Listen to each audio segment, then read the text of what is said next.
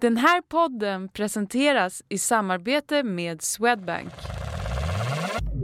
Det här är Break It Daily. God morgon, jag heter Katarina Andersson.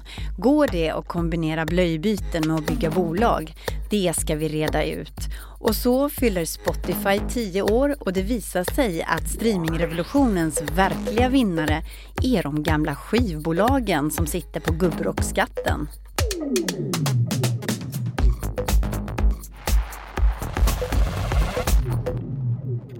Det är fredag den 5 oktober. Det går bra nu. Pengar rullar in som det ska. Det går bra nu. De startade bolaget i juni och nu är deras startup värd en halv miljard kronor. Vi pratar om det svenska elskoterbolaget Voi som enligt Breakit källor är på väg att dra in 150 miljoner i riskkapital från flera kända investerare. Och det här väcker frågan om det verkligen är rimligt att sätta en sån här hög prislapp på ett helt oprövat bolag. Ex-finansministern Anders Borg investerar återigen i ett fintechbolag, den här gången i Lendify, lånetjänsten där privatpersoner kan finansiera lån och helt runda banken. Det skriver DI Digital. Hur mycket Borg investerar det framgår inte av rapporteringen. VIX, det som brukar kallas för skräckindex som mäter svängningarna på Wall Street, nådde på torsdagskvällen sin högsta nivå på åtta månader. Och det här beror på de kraftiga börsfallen som pågått i New York flera veckor nu. Hurra, hurra, hurra, hurra!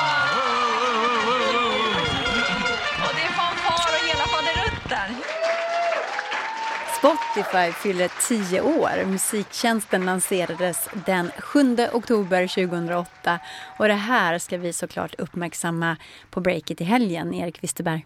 Det blir en riktig födelsedagstårta i form av det längsta reportage som Breakit någonsin har publicerat, tror jag faktiskt.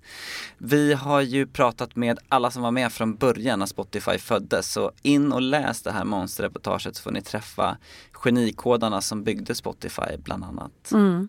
Men vad är det som är värt att skriva om så här tio år senare då?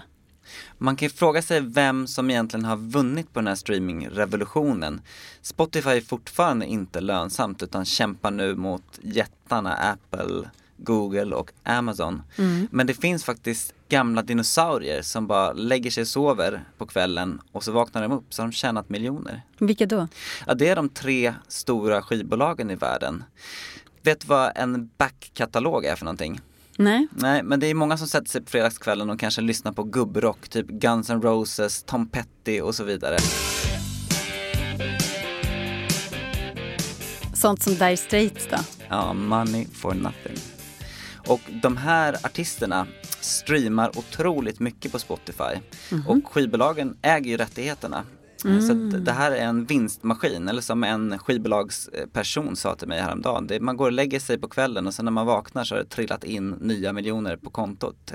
Ja, för det har varit ganska mycket tjafs med, med Spotify just om rättigheter och så här. Men det här är såna här gamla rättigheter då som redan är clearade och så tjänar de bara pengar på det. Precis, det är musikindustrins long tail skulle man kunna säga. Här finns det ju en gigantisk låtskatt som bara ligger och tickar in pengar. Och mer och mer pengar ju större streamingmarknaden blir. Så att de nästa tio åren kommer nog bli tuffa för Spotify. Stor konkurrens, men för skivbolagen så väntar ju en ny guldålder. Och nu är det dags att tacka våra sponsorer för att vi kan göra den här podden. Eller hur Stefan, som är grundare här på Breakit? Verkligen och jag tänkte faktiskt ta tillfället i akt och snacka lite säkerhet och innovation. Det är nämligen så att nya Volkswagen Touareg eh, hjälper dig att se runt nästa hörn. Det är faktiskt sant. Eh, tänk dig så här. Efter en lång dag på jobbet rullar du ut från parkeringen och ska precis svänga ut i trafiken. Då rusar en cyklist förbi innan du hinner reagera. Men din bil är redan ett steg före och bromsar automatiskt innan kollisionen är ett faktum. Helt magiskt måste man säga. Den här eh, radarfunktionen från Volkswagen som heter Cross Traffic Assists. Jag är lite dålig på engelska men det är ungefär så man uttalar det. Eh, den upptäcker faktiskt den korsande trafiken redan innan föraren hunnit reagera. Och det är bara en av de tekniska lösningar i nya Volkswagen Touareg som gör dig och medtrafikanterna säkrare än någonsin förut. Upptäck Touareg hos din Volkswagen-handlare. Den har ju förmodligen redan upptäckt dig.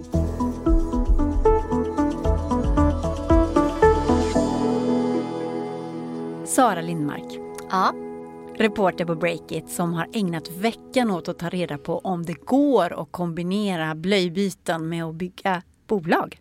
det stämmer. Jag har pratat med sju olika pappaprenörer och techmammor skulle man kunna säga. Mm. Och du har frågat hur det är att vara grundare eller vd på ett tillväxtföretag och samtidigt vara föräldraledig. Men hur kom du på hela idén att du ville undersöka det här?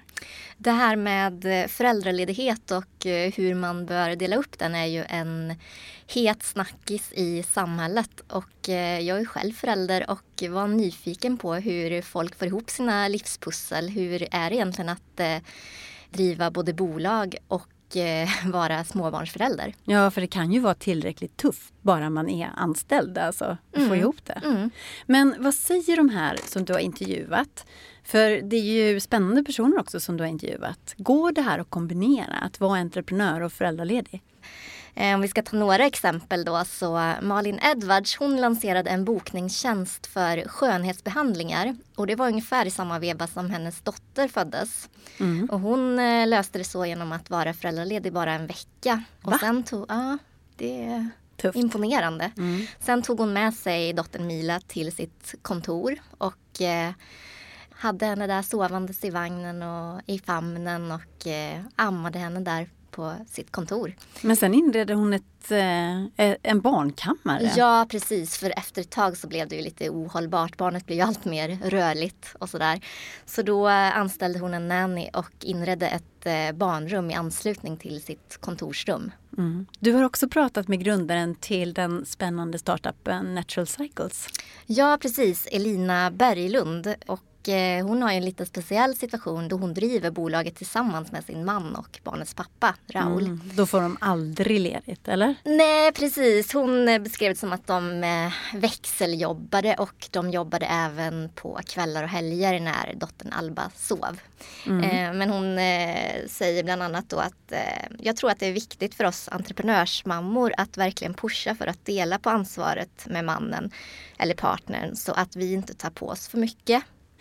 Och sen har du ett sista exempel. Eh, Ja, det är Hampus Jakobsson som är en riktig startup-profil i Malmö. Han säger att det är ganska svårt att kombinera föräldraskap och entreprenörskap när det är stressiga perioder. Samtidigt är det också det som har tvingat honom till någon sorts livsbalans. Eh, Han har tre unga, va? Ja, precis. Varav två är tvillingar. Oj. Fullt ös. Ehm, för han säger ju att han inte vill missa middagar och eh, hämta eller lämna på förskolan. Så därför så får han ju tvinga sig att avsluta sitt jobb i tid.